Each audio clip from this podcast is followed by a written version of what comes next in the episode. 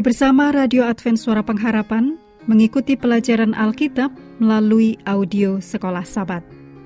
Selanjutnya kita masuk untuk pelajaran hari Minggu tanggal 25 Juni. Judulnya Paulus Evangelis ke Efesus. Mari kita mulai dengan doa singkat yang didasarkan dari Ibrani 1 ayat 8. Tahtamu ya Allah tetap untuk seterusnya dan selamanya dan tongkat kerajaanmu adalah tongkat kebenaran. Amin.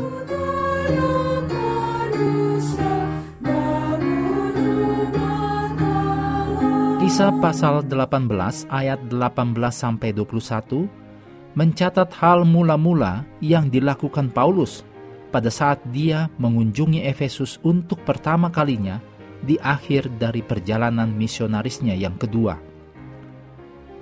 Efesus adalah salah satu dari beberapa kota besar dari Kekaisaran Romawi dengan jumlah penduduk sekitar 250 ribu. Itu merupakan ibu kota dari salah satu provinsi yang paling kaya di Kekaisaran Romawi, yaitu Provinsi Asia, yang mencakup sebagian besar wilayah yang kita kenal saat ini sebagai Asia Kecil. Pada zaman Paulus, provinsi tersebut sedang menikmati masa pertumbuhan dan kemakmuran. Sebagai kota pelabuhan, Efesus juga terletak di persimpangan rute jalan darat.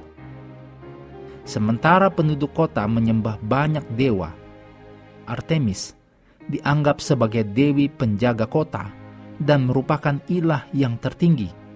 Penyembahan kepada Artemis merupakan fokus dari berbagai upacara kemasyarakatan, perlombaan atletik, dan perayaan-perayaan tahunan lainnya. Artemis disebut Diana oleh bangsa Roma. Demikian ditulis dalam kisah 19 ayat 24 dan 35.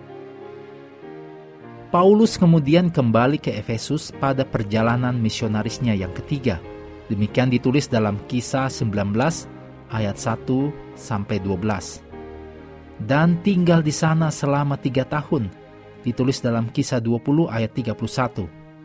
Sang Rasul membuat komitmen waktu yang penting untuk ke Efesus, dengan tujuan mendirikan jemaat Kristen yang kuat di sana. Kisah 19 ayat 13 sampai 20 mencatat peristiwa ajaib yang menuntun untuk tersebarnya penghormatan kepada Tuhan Yesus di Efesus. Lukas membagikan kisah aneh tentang tujuh pelancong, yaitu tukang jampi Yahudi di kota itu. Dengan mencampur adukkan nama Yesus dan Paulus dalam mantra mereka, terbukti menjadi usaha yang menyesatkan bagi para pengusir setan ini.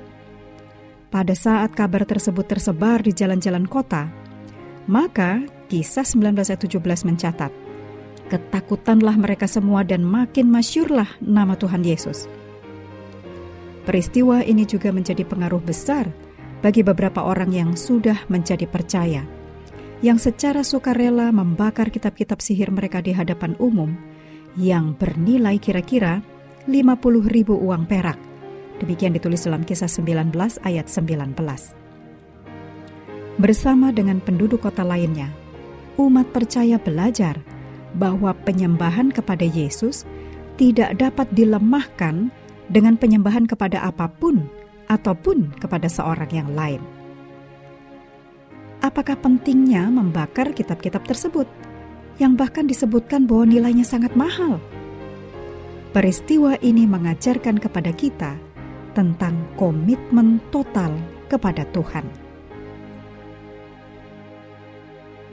Mengakhiri pelajaran hari ini, mari kita kembali ke ayat hafalan kita dalam Efesus 1 ayat 9 dan 10.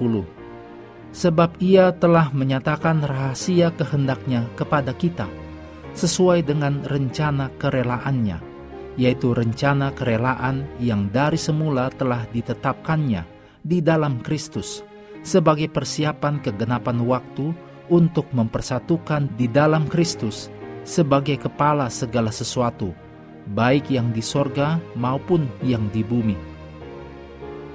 Kami terus mendorong Anda untuk mengambil waktu bersekutu dengan Tuhan setiap hari bersama dengan seluruh anggota keluarga. baik melalui renungan harian, pelajaran sekolah sahabat, juga bacaan Alkitab sedunia, percayalah kepada nabi-nabinya, yang untuk hari ini melanjutkan dari Mazmur 50. Tuhan memberkati kita semua.